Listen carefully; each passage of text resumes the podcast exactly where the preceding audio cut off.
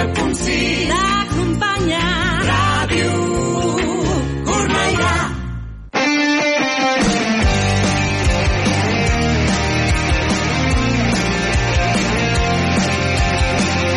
L'esport al punt. Joel Garder. Què tal? Bona nit. Benvinguts i benvingudes a l'Esport al Punt, dues setmanes, dos dilluns després. Ja fa un mes d'això que us explicaré, però crec, creiem, que hem de parlar-ne. El passat dia 10 d'octubre, el municipal de Font Santa Fatjó, en un partit de juvenils que enfrontava l'equip groc i el canvi de led, un, jugador de l'equip eh, visitant va rebre un presumpte crit racista d'un jugador del Font Santa Fatjó. I cito, negro de mierda. Segons el jugador del canvi de led i, en conseqüència, l'equip d'Esplugues no ho va dubtar i va abandonar el camp. L'àrbitre no ho va escoltar i, per tant, no ho va recollir a l'acte. D'aquesta manera, la Federació Catalana de Futbol va donar per perdut el partit al canvi de led. Des de l'equip cornellanenc, silenci. No hi ha proves i no ha passat. En canvi, des de l'equip d'Esplugues, incomprensió. Li donen el partit per perdut quan ells pensen que són els damnificats. I per què ve al cas tot això? Doncs ara és notícia perquè fa tot just una setmana va sortir la resolució de la federació. Partit perdut pel canvi de led per retirar-se del camp abans de que l'àrbitre xiulés al eh, final. Això que hem comentat ara són els fets. Ara anem per parts. Primer, algú pensa que un nano de 15 a 18 anys en etapa juvenil se'n va del camp per no res? I m'és igual, eh, que no hi hagi proves fafaents. Hem de prendre part i jo no tinc cap mena de dubte que el jugador del canvi de led no ho va fer per no res. Per tant, cap favor li fa Alfons Santa Fatjó a la causa antiracista amb aquest silenci. D'això només en sortirem si tots remem amb la mateixa direcció. I una sanció al teu propi jugador, sí, sí, el jugador del teu propi club, és marcar el camí cap on hem d'anar. Segon, és de broma, de broma, que qui rebi tot això és sigui el canvi de led. Reps un insult racista, marxes del camp, que és el que has de fer, i ho pagues amb una derrota. Està molt bé que si l'àrbitre no ho escolta no ho recull a l'acte. No pots posar a l'acte coses que tu no has vist o has escoltat. Però han de canviar els protocols i els mecanismes. No pot ser que perdin ells. Ja han perdut quan li diuen a un jugador ser un negre de merda. I tercer, abans de ser equips, els jugadors són persones. I no sé a qui se li passa pel cap no dir-li res a un jugador, a un company, o al teu propi jugador, si ets l'entrenador, si ha dit una cosa tan greu. Com el mires als ulls després? Estem com abans. Si no ho admeten, no avançarem. I aquí hem d'estar tots junts per acabar amb aquesta lacra que és el racisme. Em sap especialment greu eh, dir això perquè des d'aquí apreciem el Font Santa Fatjó. No pot ser d'una altra manera perquè és un equip de la ciutat. Però en aquest, en, aquesta, en aquest cas ens trobaran al davant. Per cert, i per acabar, vull reivindicar que aquesta és l'opinió de tots els membres d'aquest equip d'esports i d'aquest programa, l'Esport al. Sumari amb el més destacat que ens ha deixat el cap de setmana a nivell esportiu, titulars.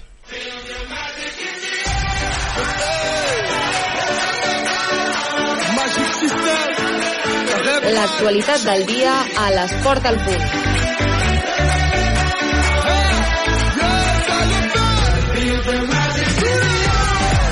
Comencem a primera RFF. Adri León, derrota de la Unió Esportiva Cornellà. Què tal? Bona nit. Molt bona nit, Joel. Doncs sí, derrota per la mínima de la Unió Esportiva Cornellà en la visita del Sabadell aquí al nou municipal. Els homes de Raül Casany, tot i que es van veure condicionats pel matiner gol dels visitants al minut 3, van tenir opcions per empatar de nou, però l'expulsió de Borja al 70 els va deixar sense opcions. Llàstima.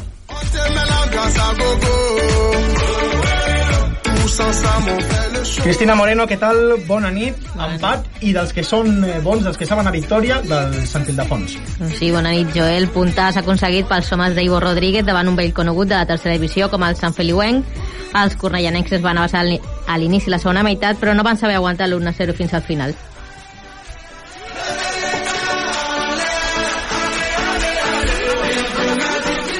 I també derrota, en aquest cas, del bàsquet Almeda femení, a Lliga Femenina 2, Eros González. Què tal? Bona nit. Sí, no ha estat una bona jornada pels equips de Cornellà, derrota a casa del Piquen Claret 63-50 i ja ho hem comentat en alguns programes, és un problema recurrent que l'entrada al parquet de les jugadores d'Almeda no és bo.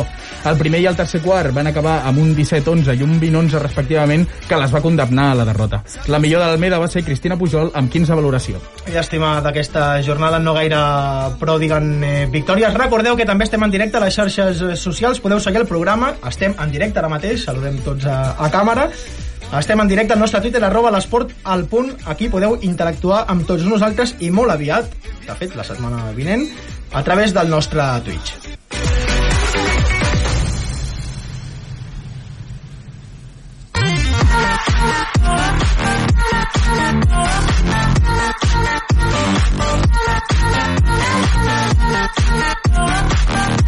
Carrusel amb tots els resultats de la jornada, els que hem comentat i els que encara ens queden eh, per eh, comentar. Comencem, com sempre, primera RFF, grup 2, Unió Esportiva Cornellà. Adri.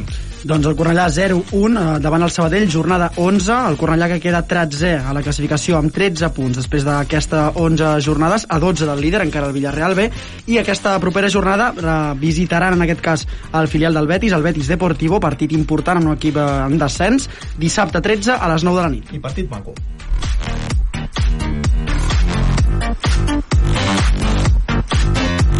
Baixem de cop tres esglaons a primera catalana, grup 2, per parlar del que ha fet la unificació esportiva Sant Ildefons. Cristina. Doncs com ja hem esmentat a titulars, un empat a un davant el Sant Feliuenc en aquesta jornada 6 que deixa els de Sant Ildefons sense la classificació de 14, recordem, amb 4 punts, a 2 del 9 que és el Sabell Nord, i 4 del 8 que és l'Horta, que ha guanyat aquest cap de setmana uh -huh. per cert. I la propera jornada viatjaran fins per enfrontar-se al Vic Riu Primer Repo dissabte 13 a una hora una mica així peculiar. Horari, no? Sí, això 3 no i quart de la tarda. Ostres.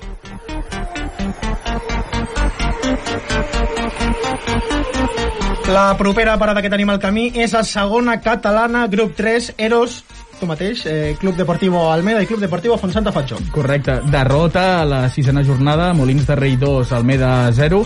L'Almeda eh, porta dos partits seguits perdent, ah. que va perdre la setmana passada al derbi contra la Fontsanta. David, el sopar quan vulguis. Eh, classificació es, doben, es troben 1400 amb 4 punts, un balanç d'una victòria, un empat i 3 derrotes, i porten un partit menys. Eh, la propera jornada juguen contra el Sari Ignasi el dissabte a les 7 de la tarda. I també tenim eh, partit, eh, en aquest cas empat, del Fontsanta Fatjó. De la Fontsanta Fatjó, sí, no ens oblidem de l'equip del meu barri, 2 a 2 contra el Camp Buixeres al seu camp, es troben 600 amb 9 punts, amb un balanç de dos victòries, una derrota i 3 empats, i la setmana que ve la Fontsanta descansa. Thank you.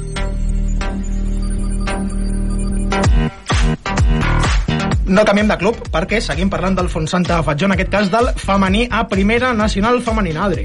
La Fontsanta que va perdre 1-0 en el seu desplaçament a Saragossa. Després parlarem amb la Raquel, la seva capitana. Uh -huh. A la classificació es mantenen onzenes amb 6 punts, uh, 5 de, de l'últim classificat, que serà precisament el que visiti aquesta setmana a la ciutat de Cornellà per jugar diumenge a les 5 i mitja contra el Pardinyes, el Partit comentàvem. importantíssim. Moltíssim.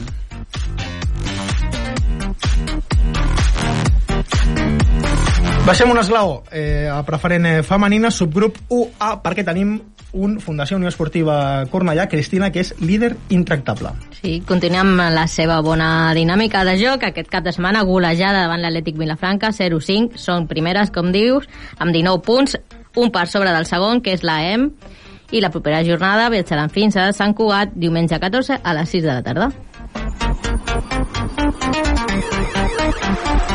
Canviem d'esfèrica. No és la que s'eixuta, ara parlem de la que es vota perquè Lliga Femenina 2 Eros nova derrota del bàsquet Almeda. Sí, potser no la van votar molt bé perquè van perdre contra el PN Claret eh, 63-50. A la classificació es troben novenes amb 8 punts, dues victòries i 4 derrotes i la propera jornada s'enfronten contra les últimes al Distrito Olímpico, al municipal de l'Almeda i és el dissabte 13 a les 5 de la tarda. Qui sí que van votar la pilota i de quina manera va ser el Club Bàsquet Cornellà. Estem parlant de bàsquet masculí a la divisió LEP Plata, Adri León. Doncs sí, victòria contundent, important del Cornellà, 93-77 davant el Bueno Arenas Albacete, amb l'Albacete de tota la vida, diguem-ho diguem, fàcil. Vuitens amb 7 punts, dues victòries, tres derrotes, i la propera jornada visitaran el Madrid, Centro Bàsquet Madrid, dissabte a les 8 i mitja. Ara mateix, eh, desens classificats amb els mateixos punts i el mateix balanç que el Cornellà. Duel directe, doncs.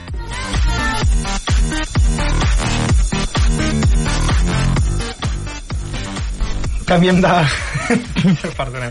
Canviem una altra vegada de pilota. És temps eh, per parlar d'handbol. La primera catalana sènior masculina B que ha fet el club handbol ràpid Cornellà Eros. Ha perdut, Joel, per desgràcia, ah. contra el club d'handbol Poble Nou, 31 a 28. Tot i així, el Ràpid Cornellà es troba en una bona posició, són tercers amb 8 punts, un balanç de 4 victòries i dues derrotes, i la propera, eh, la propera jornada s'enfrenten contra el Sant Martí Adrianenc C el diumenge a les 13.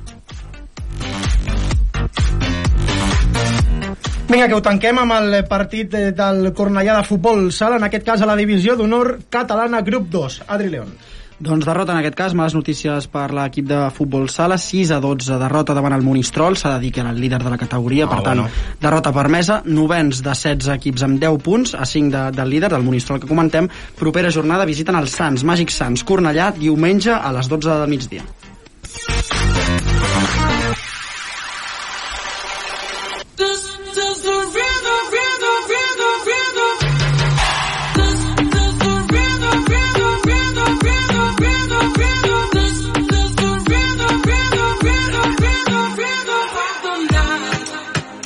Arriba el protagonista, amb Adrià León. Tu sé que ets el protagonista amb aquests ullets eh, que em fas. Va, Adri, què tenim avui a la teva secció? Protagonista de la jornada. Avui a qui li entreguem aquest títol honorífic? Doncs avui el protagonista de la jornada torna a ser col·lectiu, perdoneu, però no, no. és el, el primer equip, és pel primer equip eh, masculí del club rugby Cornellà, que ha guanyat el Carboners, ha guanyat 37 a 12 el líder de la categoria. Bé, matiso perquè ja no és el líder, ho era fins que el Cornellà el va guanyar. Ara, com ja us podeu imaginar, el que encapçala la classificació del grup 5 de la divisió d'honor de masculina és el nostre club rugby Cornellà. Tenia en ment també un altre protagonista de la jornada, però com que el trucarem avui ja no té tanta gràcia, després descobriu qui és. Molt bé, aquest eh, Cebo, i des d'aquí li enviem eh, una abraçada i una salutació ben forta, ben eh, forta al club rugby Cornellà, que ha guanyat el líder i que s'ho ha guanyat. Les 9 i 15 minuts del vespre.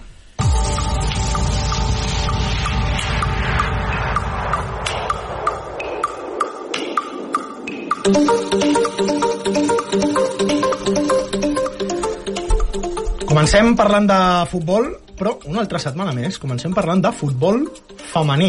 Ja li estem agafant el gust, això de, de començar parlant eh, de les noies. En aquest cas, comencem parlant del eh, Fontsanta Fatjó. No són bones notícies, no són pas bones notícies, perquè una nova derrota de l'equip eh, Croc, en aquest cas contra un dels rivals directes, era un partit marcat amb una creu al calendari perquè les cornellanenques visitaven el Zaragoza Club de Futbol Femenino derrota ajustada, derrota per un gol a zero, derrota per eh, la mínima i d'aquestes ja en sumen tres consecutives estan pagant, jo crec, la novetada de la categoria, Adri.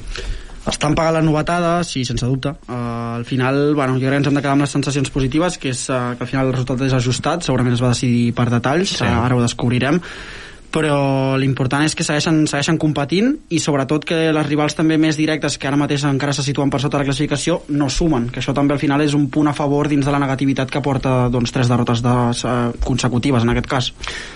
Sempre el futbol et dona una nova oportunitat cada setmana i de quina manera? Tenim aquest cap de setmana un Font Santa Fatjó Pardinyes Correcte.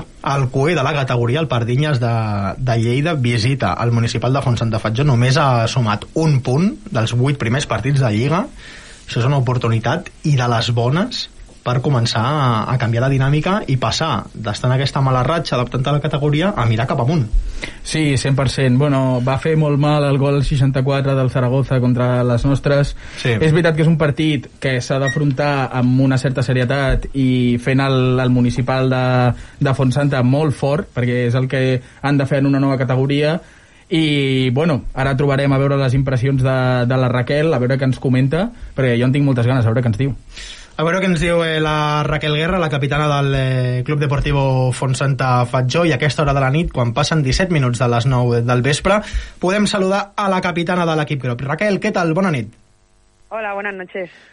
Bueno, eh, tercera derrota consecutiva, en este caso por la mínima, en casa del eh, Zaragoza Club de Fútbol eh, Femenino. Eh, ya se está alargando un poco esta, esta racha de, de derrotas, luego hablaremos, pero primero vamos a comentar este, este partido en tierras aragonesas. Os vuelve a escapar, en este caso por, por la mínima. 1-0. Cuéntanos, eh, capitana, ¿cómo fue el, el partido? Bueno, pues sí, llevas razón en todo lo que dices. La verdad es que llevamos una racha bastante mala. Íbamos a Zaragoza con todas las expectativas de, de ganar. Acabamos de ascender, entonces lo que necesitamos es ganar contra rivales de nuestra liga. En este caso el Zaragoza lo era. Hicimos una muy buena primera parte. eh, tuvimos el balón prácticamente todo, todo el rato. Generamos muchas ocasiones, pero no acabó de entrar. Y en la segunda parte salimos un poco fría y después de, de una falta nos meten un, un gol desde casi medio campo por la escuadra y nos, nos venimos un poco abajo y ya no, no supimos no supimos encajar ese gol y no y no quiso entrar y no quiso entrar el nuestro. Ahora estabas comentando, Raquel, que, que sois un equipo nuevo en la, en la categoría después de la genial temporada que, que cuajasteis el, el curso pasado. Quizá estáis eh, penalizando mucho eso de ser las, las novatas en, en Primera Nacional Femenina, porque os está costando quizá un, un poquito demasiado, ¿no?, este inicio de, de temporada. Totalmente, totalmente lo estamos lo estamos pagando. No hemos tenido desplazamientos fáciles ni hemos jugado tampoco contra contra los equipos eh, así de media tabla para abajo, pero sí que es verdad que estamos eh, penalizando esa falta de experiencia, ¿no? Esa falta de, de conocer campos nuevos, ¿no? Como viajar a Mallorca o, o ir a Zaragoza y entonces entonces tenemos errores que en esta categoría si tienes esos errores pues no no te perdonan, ¿no? Buenas noches, Raquel. Aprovechando la pregunta del, del Joel, eh, me gustaría preguntarte a ti, en este caso como capitana, ¿qué diferencias ves eh, o qué diferencias has sentido tú entre la preferente femenina del año pasado y esta Primera División Nacional Femenina? Eh, supongo que a nivel de intensidad eh, me, me- contestarás sobre todo, pero ¿qué otras diferencias puedes observar tú en- entre estas dos categorías que os hayan podido costar más en, en- en cuestiones de adaptación? Bueno, aparte de la intensidad, ¿no? Que, que está claro.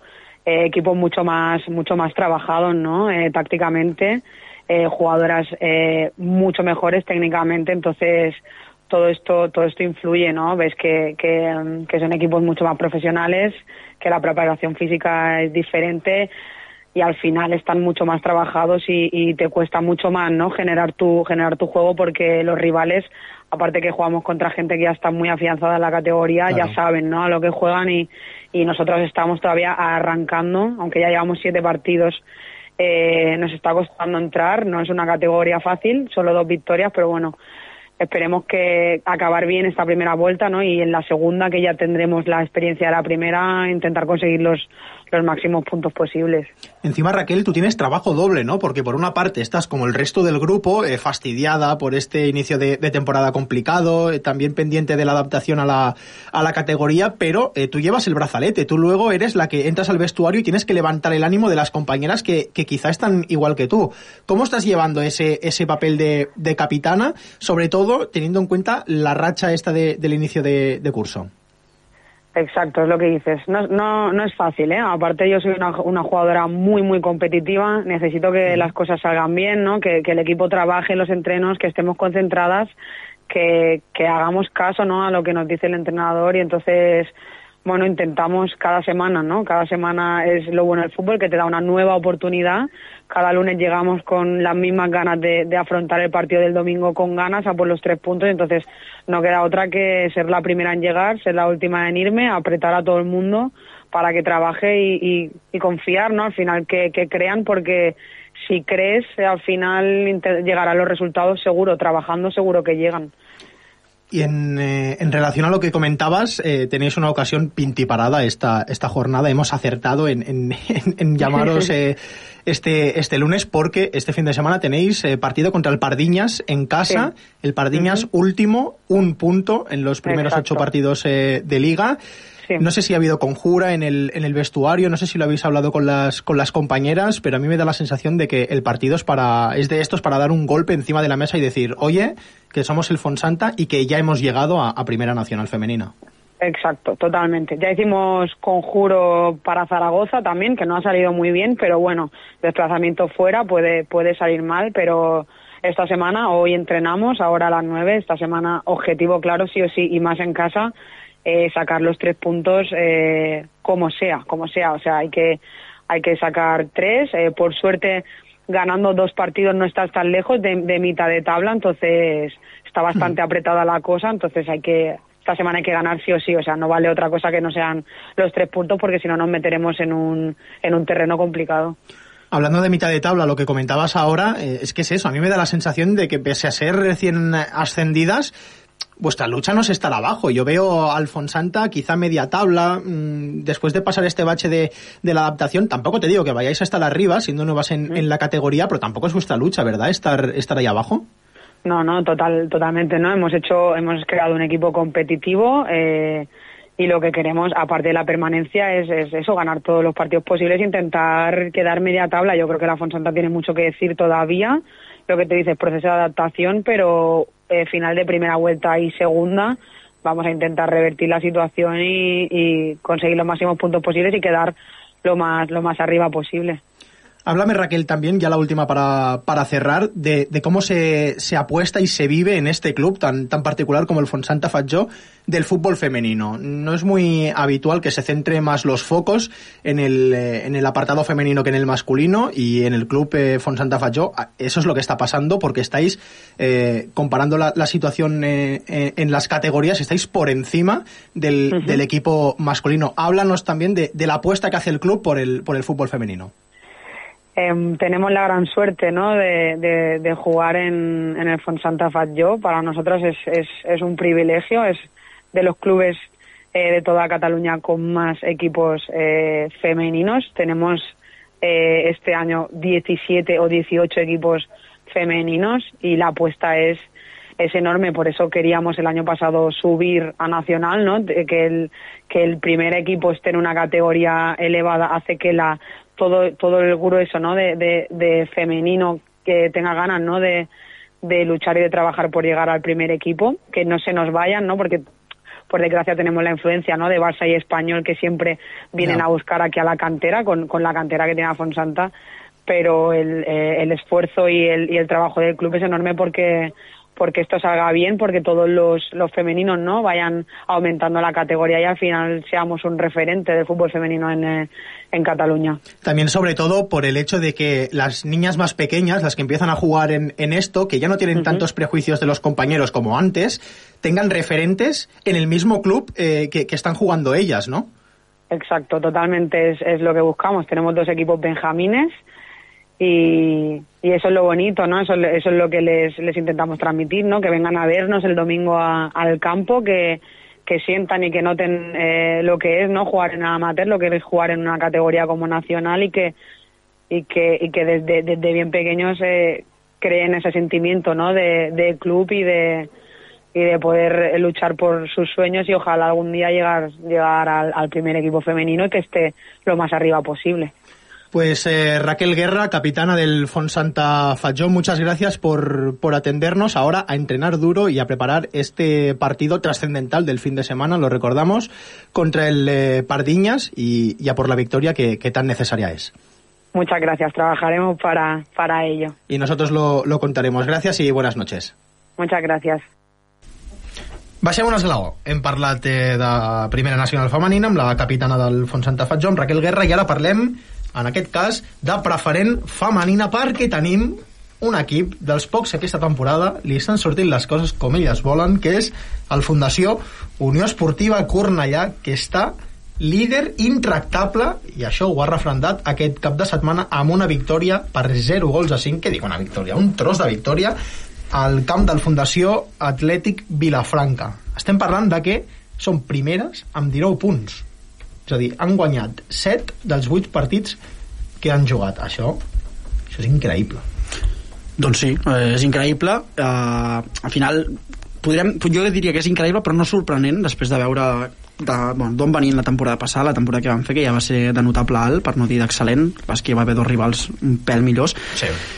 Aquesta temporada també em fa patir una miqueta aquests, aquest eh, top 4, perquè hi ha rivals aquí de, de renom i té pinta que Tenim refresca amb la memòria? a l'AM, al B, No, per això això, sí, això sí. a l'Igualada i el Sant Cugat com a quart, que jo crec que encara també està a 4 punts de, del Cornellà, però bueno, estan aquí. Uh, sobretot per diferència de gols em fa O pensar sigui, que... arribaran moments dolents, però tot el que està fent el Cornellà ara és De pel futur, o sigui, és que és De de Déu, Déu. sí. I, I et dic una cosa, no crec que aguantin aquest ritme perquè, siguem realistes, és molt difícil a una categoria com aquesta aguantar amb aquesta, amb aquesta dinàmica.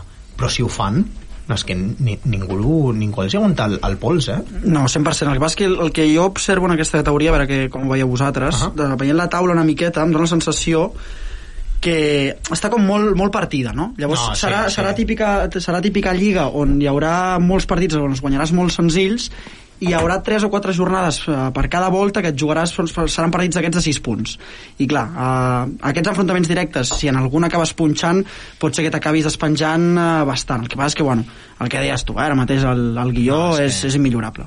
És que hi ha equips a la categoria... Eh, jo estic veient l'Andorra, que, que compta amb això, però és que estic veient un no rigues, no rigues que ja ens sona de temporades anteriors que és el Bar Vall del Corp i no és que porti 0 punts en les primeres 8 jornades és que mira el balanç de gols a favor i gols en contra Mira, jo no en sé gaire de mates, eh? Però No. 64 encaixats són 8 per 8, 60... No en sap, gai, no en sap gaire de mates. Definitivament no en sap gaire de mates. Sí, sí. Eh... Sí? 8 Sí. per 8, 64? Sí. Oh, ara sí, ara sí. Per tant, 8 de, de mitjana per partit. sí. potser alguna cosa en defensa han d'ajustar Clar, és això, a veure, que l'Andorra realment porta 3 partits menys, aleshores no, també... l'Andorra no, el, no, el, no el contem eh, al No, nivell clar, del perquè- Vall del Corp ni molt menys No, Ah, és perquè que- realment porta un balanç bastant Sí. positiu. És un equip poc golejador, però clar, només porta 18 en contra, que realment són uns números per estar a mitja taula tranquil·lament. El Cornellà aquest any és el que hem comentat, que serà una taula molt dividida. Eh, és veritat que ara el balanç és molt positiu. No és l'únic equip que encara està imbatut a la categoria, perquè trobem que l'Igualada en tercera posició tampoc ha perdut, però només porta un empat i 6, i 6 victòries, i jo crec que el camí, eh, aquest és el camí, només 8 gols encaixats, 21 gols a favor, és important mantenir una, una solidesa eh, defensiva com s'ha mostrat aquesta, aquesta jornada i a domicili a sobre, 0-5 vull dir, estan Sí, sí, sí. pel bon camí i... Hem de dir que el Fundació Atlètic Vilafranca és un equip de la zona baixa, només ha Clar. sumat 4 punts, una victòria i un empat de les primeres 7 jornades i fer de, de rates, he dit abans que s'havien jugat 8 partits, 7, empat, 7 victòries i un empat, doncs no, m'he excedit en un, Eh, són 6 victòries i, i un empat, però aquesta és la línia que, que ha de seguir el Fundació Unió Esportiva Cornellà. Marc, torna'm a tirar la cinta del, de futbol perquè eh, hem de passar del femení al masculí i per parlar de coses no tan bones.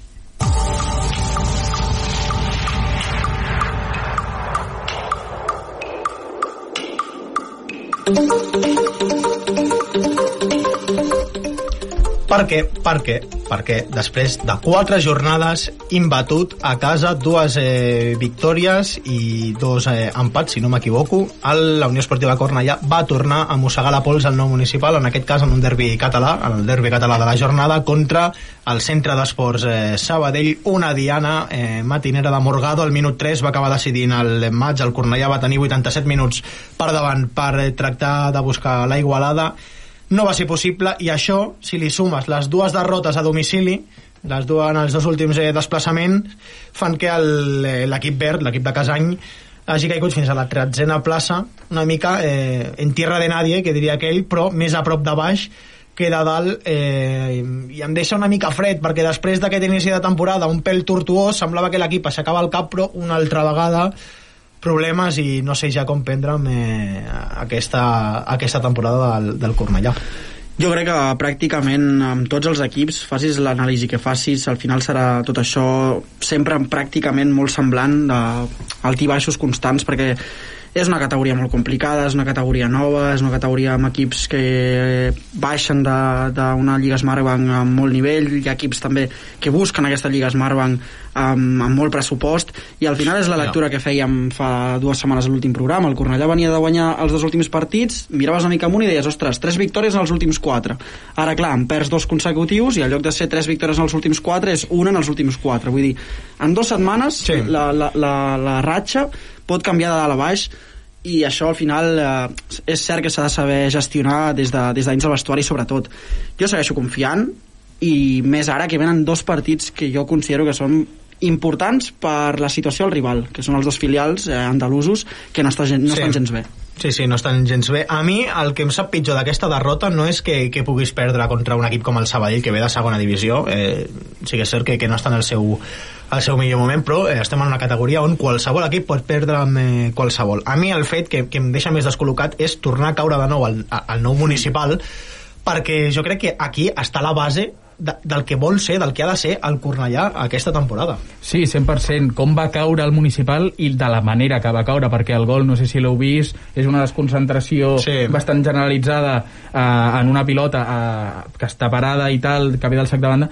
Aleshores, jo crec que molts jugadors estan demanant fora de joc i a la situació pues, es troba eh, Morgado molt fàcil davant de Nàquer i a Sí. Nàquer, tot i que és un... Bueno, ja ho hem comentat No, algunes gran setmanes, temporada, ha fet una gran temporada i és un, un felino debajo de los tres palos però clar, no va poder, no va poder parar la pilota i és això, la manera en què s'ha perdut i a sobre que perdre a casa fa molt mal i a sobre que és el Sabadell que venia en mala posició però és això, eh, la primera RFF és molt complicada aquest any amb el canvi de sistema encara ho és més i l'equip s'ha d'adaptar, han vingut moltes peces i a veure com gestiona això el, el Raül Casany perquè és complicat però jo crec que se'n pot sortir i pot arribar a playoff fins i tot Jo crec que sí, però eh, està complicat més que res perquè la categoria és nova i per, per com s'està visquent aquesta igualtat entre, entre equips. Una altra cosa que també em deixava un pèl fred és que tinguis 87 minuts per davant a casa teva i et costi generar i no arribis ni, ni,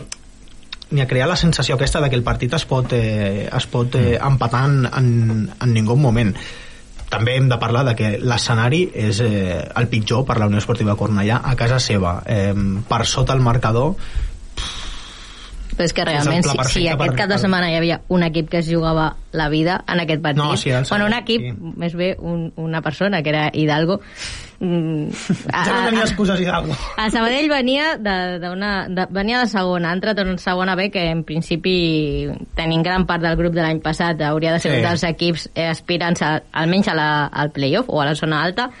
Eh, han començat molt malament, estan en la zona baixa, la setmana passada, després d'empatar amb el Lucan, empatar, ja no perdre, es van desfer o van destituir al José Manzanera, que era el director deportiu, Sí. va ratificar Hidalgo, i Hidalgo, durant tota la setmana, només ha pensat en una cosa, la reacció, perquè primer és jugar a la seva banqueta i segon perquè el, el Sabadell no pot estar tan a baix. Llavors, doncs mira, mm, bueno, això, que si es jugava la vida d'algun equip mm, sí, era sí, més clar, clar. aviat el Sabadell i va aprofitar aquest gol amb una mica de, com diu l'Eros, una mica de pel·lícula, si vols.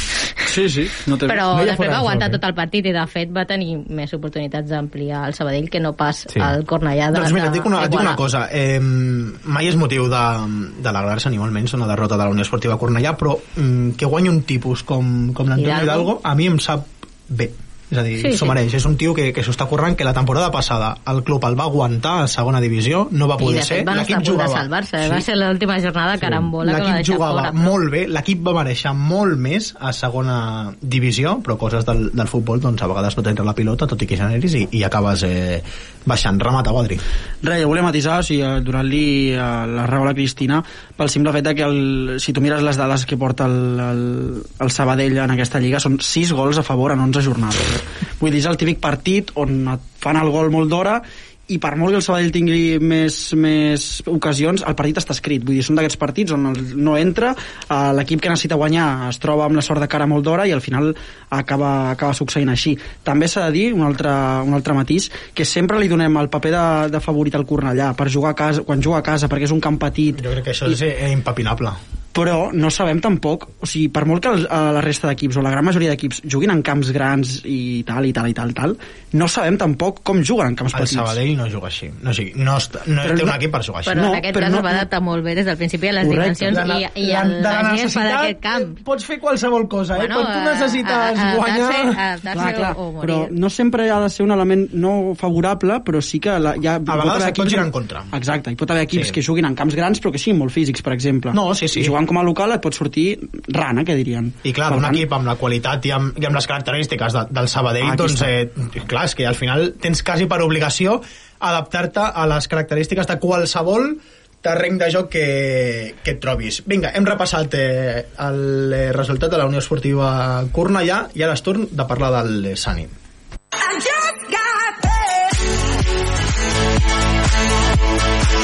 I.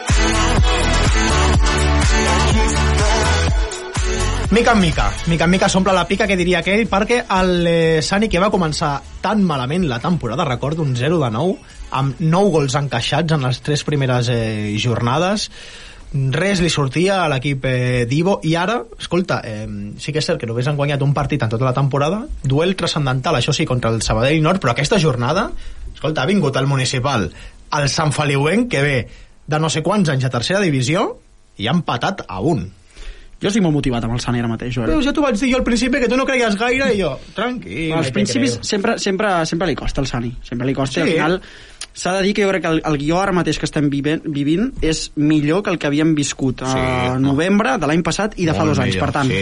i són quatre punts, eh? Vull dir, són quatre punts que tampoc són gaires, però jo crec que les sensacions i a sobre, eh, com a local porta una derrota, una, una victòria, una derrota i un empat en els últims tres partits. Bueno, una de cada. No em sembla Sí. gens, mal, gens uh, mal balanç. I a sobre això, amb un Sant Feliuenc, que és un clàssic, és un vell, és un històric de la tercera divisió d'aquí del grup 5, per tant, jo per mi, eh, puntàs. Donem pel bo, donem per bo eh, l'empat, no? Eh, m'agrada que l'equip eh, sigui competitiu, m'agrada que l'equip vagi traient punts, que al cap i a la fi, al principi, ens deia l'Ivo, no, sí, competim bé, però els detalls ens acaben jugant una mala passada. Doncs ara, mira, eh, a sobre, eh, l'equip eh, juga bé, l'equip va evolucionant, i a més a més, suma.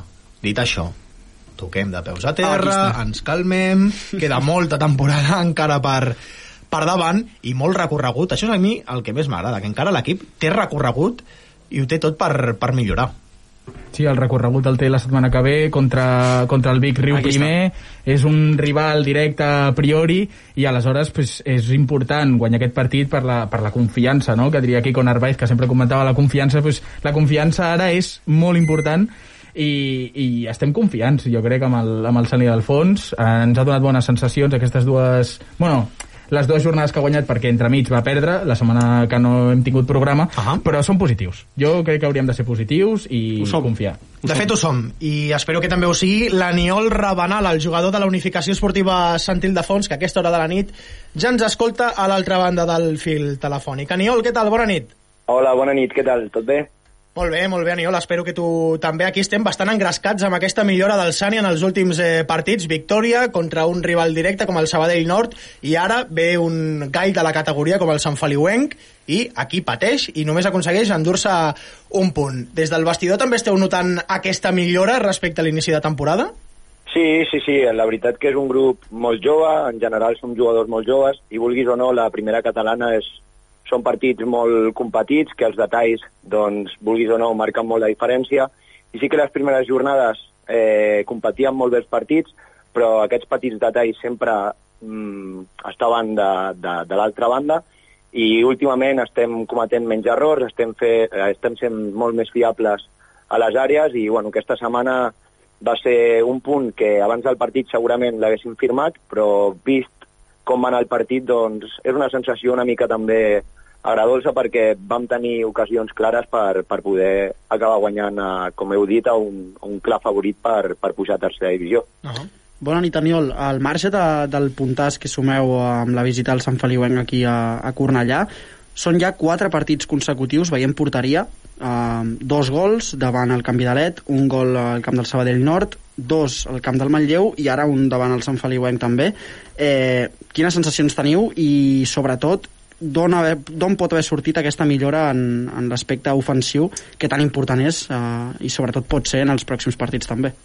Bueno, jo crec que el nostre estil és un estil molt intens, amb moltes oportunitats a, a totes dues àrees, i sí que és cert que aquestes darreres jornades jo crec que l'equip ha agafat una mica més de confiança als metres finals i a l'hora de triar la, la presa de decisions amb la pilota jo crec que estem més encertats i al final també la victòria a Sabadell Nord ens va ajudar eh, a agafar confiança i com som una plantilla molt jove, vulguis o no, els resultats també doncs, doncs ajuden a, a agafar més, més confiança el que comentava. I jo crec que sobretot el, el punt d'inflexió va ser el dia del Sabadell Nord, que al final el calendari, doncs, Primera Catalana és un grup el que estem actualment molt complicat, hi ha molts equips No, sí, amb sí. molts pressupostos molt alts, i vulguis o no, el Sabadell Nord, amb tot el respecte, doncs era el partit potser que, que jugàvem eh, d'un rival més de la, de la nostra categoria, per dir-ho d'alguna forma, i jo crec que l'equip es va veure que, que, bueno, que les jornades anteriors havien estat derrotes, però que, que al final també doncs, doncs teníem nivell suficient com per competir i guanyar partits eh, sense cap tipus de problema a la categoria. Mira, sense anar més lluny, eh, a la categoria teniu equips de la talla de Sant Feliuenc, ja n'he ja n'hem parlat, Sant Boià, Unió Atlètica d'Horta i, per exemple, també un clàssic del futbol català com el Júpiter, que, que ho està passant eh, veritablement eh, malament. Escolta, Aniol, eh, la setmana passada no vam tenir programa, però de ben segur que a la secció del protagonista de la jornada t'haguessis endut tu el premi perquè vas eh, figurar al, a l'11 de, del diari Esport eh, de, de primera catalana. Eh, mica en mica també et van sortint eh, a tu les coses, no?, eh, aquest curs. Bueno, sí, vam començar, a nivell particular vaig començar una mica amb bastants problemes musculars, però sí que és cert que, que l'equip està treballant molt bé i bueno, en aquest cas jo penso que bé, més que una recompensa per mi va ser una recompensa en general de tot l'equip perquè sense els meus companys, doncs, òbviament, no podria haver estat escollit en, en, aquesta, eh, en, el, en el diari Esport. Però eh, jo crec que tal, tal com vaig sortir jo podria haver sortit cap, qualsevol altre company perquè ja et dic, les últimes setmanes estem treballant molt bé tots i, i bueno, content a nivell personal però ja et dic que, que podria haver estat també qualsevol altre company. Què tal, Aniol? Bona nit. Bona nit. Eh, el partit, segons hem vist a l'acte, va estar una mica complicat a nivell d'amonestacions. Van haver-hi, em sembla, si no m'equivoco, sis amonestacions. Tu també has estat implicat en aquestes amonestacions. I al final, el teu segon entrenador, Alberto Sanchón, segons posa la, Real la Federació Catalana de Futbol, també va estar expulsat. Eh, com expliques eh, aquest, aquesta dinàmica? Bueno, al final som un equip molt intens, que no donem una, una pilota per perduda, i vulguis o no, doncs això el els incomoda molt. Eh, també al camp, doncs l'altre dia feia bastant de goig veure'l, hi havia molta afició, molt d'ambient, i aquesta intensitat, vulguis o no, doncs també es tradueix una mica doncs, a nivell de targetes. Sí que és cert que diverses de les targetes que, que menciones doncs, van ser potser una mica fora de lloc, però bueno, també s'ha de dir que, que és el que, que et comento, no? hi ha molta intensitat al camp i al final doncs, els àrbitres ho intenten fer de la millor manera possible i en aquest cas tant la targeta vermella de l'Alberto com alguna altra d'algun company doncs, és una mica discutible, però bueno, això ja va a opinions. La meva, mm, des de luego, que, que va ser groga, no, no hi ha cap dubte. Així m'agrada, sinceritat davant eh, de tot. Escolta, això és molt bona notícia que un equip tan jove com el Sani comenci eh, cordant-se bé els eh, cordons, pujant-se les mitgetes i si s'ha de rascar, es rasca perquè això demostra també caràcter i sobretot que, que l'Ivo eh, us posa una mica al cap com un bombo amb, amb això. Aniol, has comentat una cosa molt interessant que és també el suport que us dona la- l'afició la, del, del Sant Ildefons. Parla'ns una mica de com es viu un partit a casa amb eh, les grades eh, ben plenes, si això és veritat o no que l'afició del Sant és el jugador número 12. Home, doncs, jo personalment, abans d'estar al Sant Ildefons, havia jugat al Camp Vialet i Sí. una de les coses que, que també mm, et cridava l'atenció era l'afició del Sant Ildefons. Alguna vegada que havia anat a jugar de rival, doncs l'havia sofert i, vulguis o no, eh, es nota molt pel camp que tenim, que són dimensions molt reduïdes, sempre són partits molt, in, molt intensos i, vulguis o no, si l'afició està al damunt, doncs a nivell de, dels rivals és molt incòmode i, i sobretot aquests últims partits, el Camp Vialet i aquesta setmana amb el Sant Feliuenc, doncs ho vam notar molt i, i ens van ajudar molt per acabar sumant aquest puntet. L'afició, eh, Aniol, no us ajudarà la setmana que ve perquè jugueu contra el Vic Riu primer al seu camp a les eh, 3.15, una hora bastant complicada per Sí, jugar, sí, sí. la veritat. Eh, com Sí, sí. enfoqueu el partit? El Vic Riu primer és un equip que està és un rival directe ara mateix, però és un equip que no concedeix gaire a darrere, només 10 gols, però sí que és veritat que explica la seva situació a la taula amb només 5 a favor. Com encareu aquest xoc amb un equip que defensa, en principi, molt bé? Bueno, és un partit molt important per nosaltres perquè, vulguis o no, com hem comentat, el calendari que hem tingut, doncs ens hem enfrontat contra rivals que ara mateix estan a les primeres, classi... o sigui, a les primeres posicions. Per tant, bueno, anirem amb, amb tota la confiança, amb ganes de reivindicar-nos i d'intentar sumar els tres punts per agafar una mica d'aire i aquestes sensacions que portem aquestes últimes jornades, doncs transformar-les també en punts, que al final és el més important, anar sumant, i, i res, Vic Riu primer és un rival molt difícil, el camp uh -huh. és de gespa natural, sembla ser que, que tampoc és del tot ben cuidada i que, que potser ens costarà una mica adaptar-nos, però jo penso que si l'equip continua treballant com aquestes darreres setmanes, competirem molt bé i estic convençut de que podrem treure els tres punts. Aniol, mira, ho tinc aquí davant. Eh, dels últims 5 partits, el Vic Riu primer n'ha perdut 3 i n'ha empatat 2. Espero que aneu amb confiança per fer un altre cop d'autoritat com el dia del, del Sabadell Nord i el, eh, traspassareu a la taula classificatòria i us posaríeu amb 7 puntets i això seria una gran notícia. Aniol, moltes gràcies per, eh, per atendre la nostra tocada i eh, parlarem eh, ben aviat, ben, de ben segur, per, per explicar bones notícies del Sani. Perfecte, moltes gràcies. Una abraçada a tots. Una abraçada per, eh, per l'Aniol Rabanal, jugador de la Unificació Esportiva Sant Ildefons. Ràpidament comentem que a segona catalana tampoc hi ha hagut bones notícies. En els nostres, no- eh, nostres dos representants tenim un empat del Fontsanta Fatjó 2 a 2 contra el Camp Buixeres. El Fontsanta, que està en bona dinàmica, està a mitja taula, però gairebé apropant-se a la zona alta, però l'Almeda, eh, qui ens havia de dir, eh, nova derrota 2 a 0 contra el eh, Molins de Rei i ara mateix està a 14 està 14 a la classificació eh, avant penúltim, no penúltim, eh, millor dit, eh, a 3 punts del, del QE, i a mi això sí que m'agafa descol·locat perquè l'Almeda no està fet per estar aquí. 100%. Eh, a mi em descol·loca molt després del partit que vaig veure al municipal de Fontsanta, un equip que proposa en pilota, que juga bé, que té una gran afició, perquè s'ha de comentar que té una gran afició, que sempre el recolza als desplaçaments. És estrany que es trobi en aquesta situació, però clar, els equips que proposen en una categoria que és complicada com la segona, com la segona catalana, a vegades no els hi surten bé les coses i necessiten una mica de marge perquè comenci a carburar les coses. Jo estic segur que l'Almeda eh, farà un bon futbol, millorarà i encara li queden... És veritat que té un partit menys, només té Sí, 5 exacte, partits, sí. però jo estic segur de que millorarà molt i, i farà una bona temporada. Mitja taula, potser aspirant cap a dalt, jo crec. Jo confio, també. Esperem, eh, esperem que sí. Això sí, la propera jornada el Fontsanta Fatjó no juga partit, li toca descansar i aquí s'equipararan una mica les, eh, les coses. Eh, L'Almeda visita el Sant Ignasi dissabte a les 7 de la tarda i esperem que sí sigui el moment de sumar la segona victòria de la temporada. Vinga, oblidem-nos del futbol, temps per parlar de bàsquet.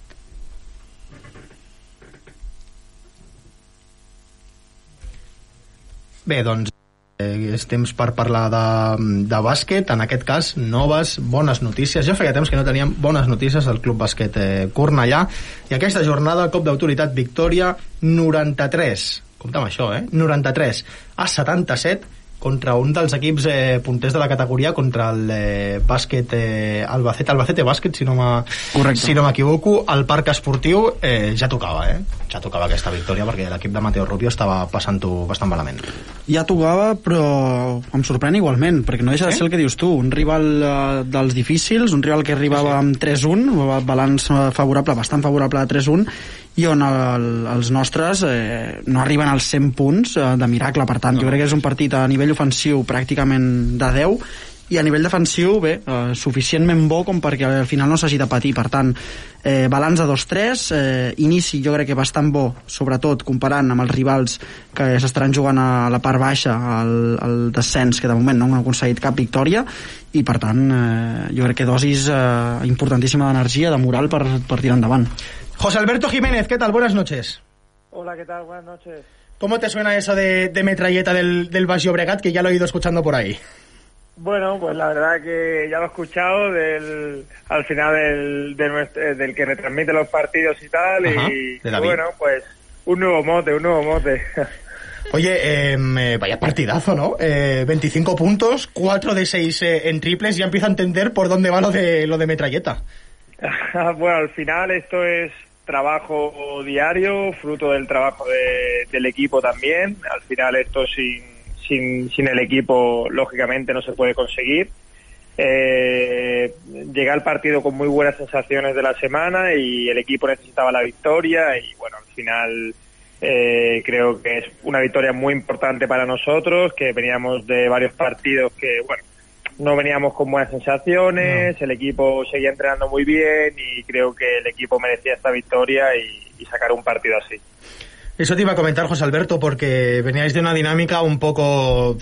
mm, no sé cómo, cómo calificarla, difícil, vamos a, a dejarlo ahí, y esto contra un rival que solo había perdido un partido de los, de los cuatro que había disputado, es eh, un golpe de, de autoridad, y ahora sí, igual al equipo eh, le viene muy bien esta victoria para mirar un poco más, eh, más arriba después de, de la mala racha. Sí, bueno, al final somos un equipo totalmente nuevo, solo hay tres jugadores del año pasado que jugaron juntos y compar- compartieron vestuarios. El resto venimos todos de fuera, somos nuevos y esto es un camino muy largo que al final tenemos que ir construyendo poco a poco el equipo y, y ya se va viendo la mejora del equipo semana por semana. Eh, creo que, echamos muchas horas de entrenamiento eh, y no se veía reflejado el sábado en el partido y sobre todo la forma de trabajar que tenemos. Tenemos un equipo eh, que tiene mucha disciplina de trabajo, que la gente tiene muchas ganas, tiene mucha ilusión, tiene mucha actitud y, y no sabía mal porque al final el sábado, sobre todo con el partido contra Ibiza y contra la Roda, no se vio reflejado el trabajo que hacemos cada día. Así que bueno, la verdad que teníamos un partido difícil contra Albacete, pero bueno, era en casa y sabíamos que, que era ganar o ganar, no quedaba otra opción. Y, y el equipo lo puso todo y al final pudimos sacarlo y, es importante porque, porque al final esto nos hace mirar un poco ahora hacia arriba y, e intentar sacar la victoria de este fin de semana en Madrid. El equipo, pero también tú, eh, no te quites méritos, Alberto. Yo sé que el, el colectivo es lo primero, es lo primordial, pero oye, eh, 32 de valoración. De hecho, eres MVP de la jornada, según publica Contrabasket, eh, con esos 32 de, de valoración. Así que gran parte de la victoria también eh, eres tú con esos 25 puntazos.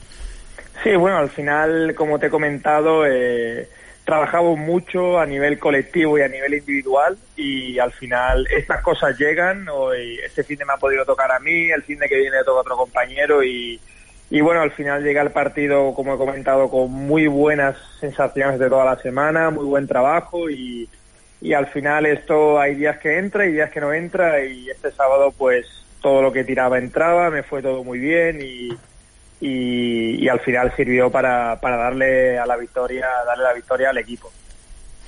Buenas noches.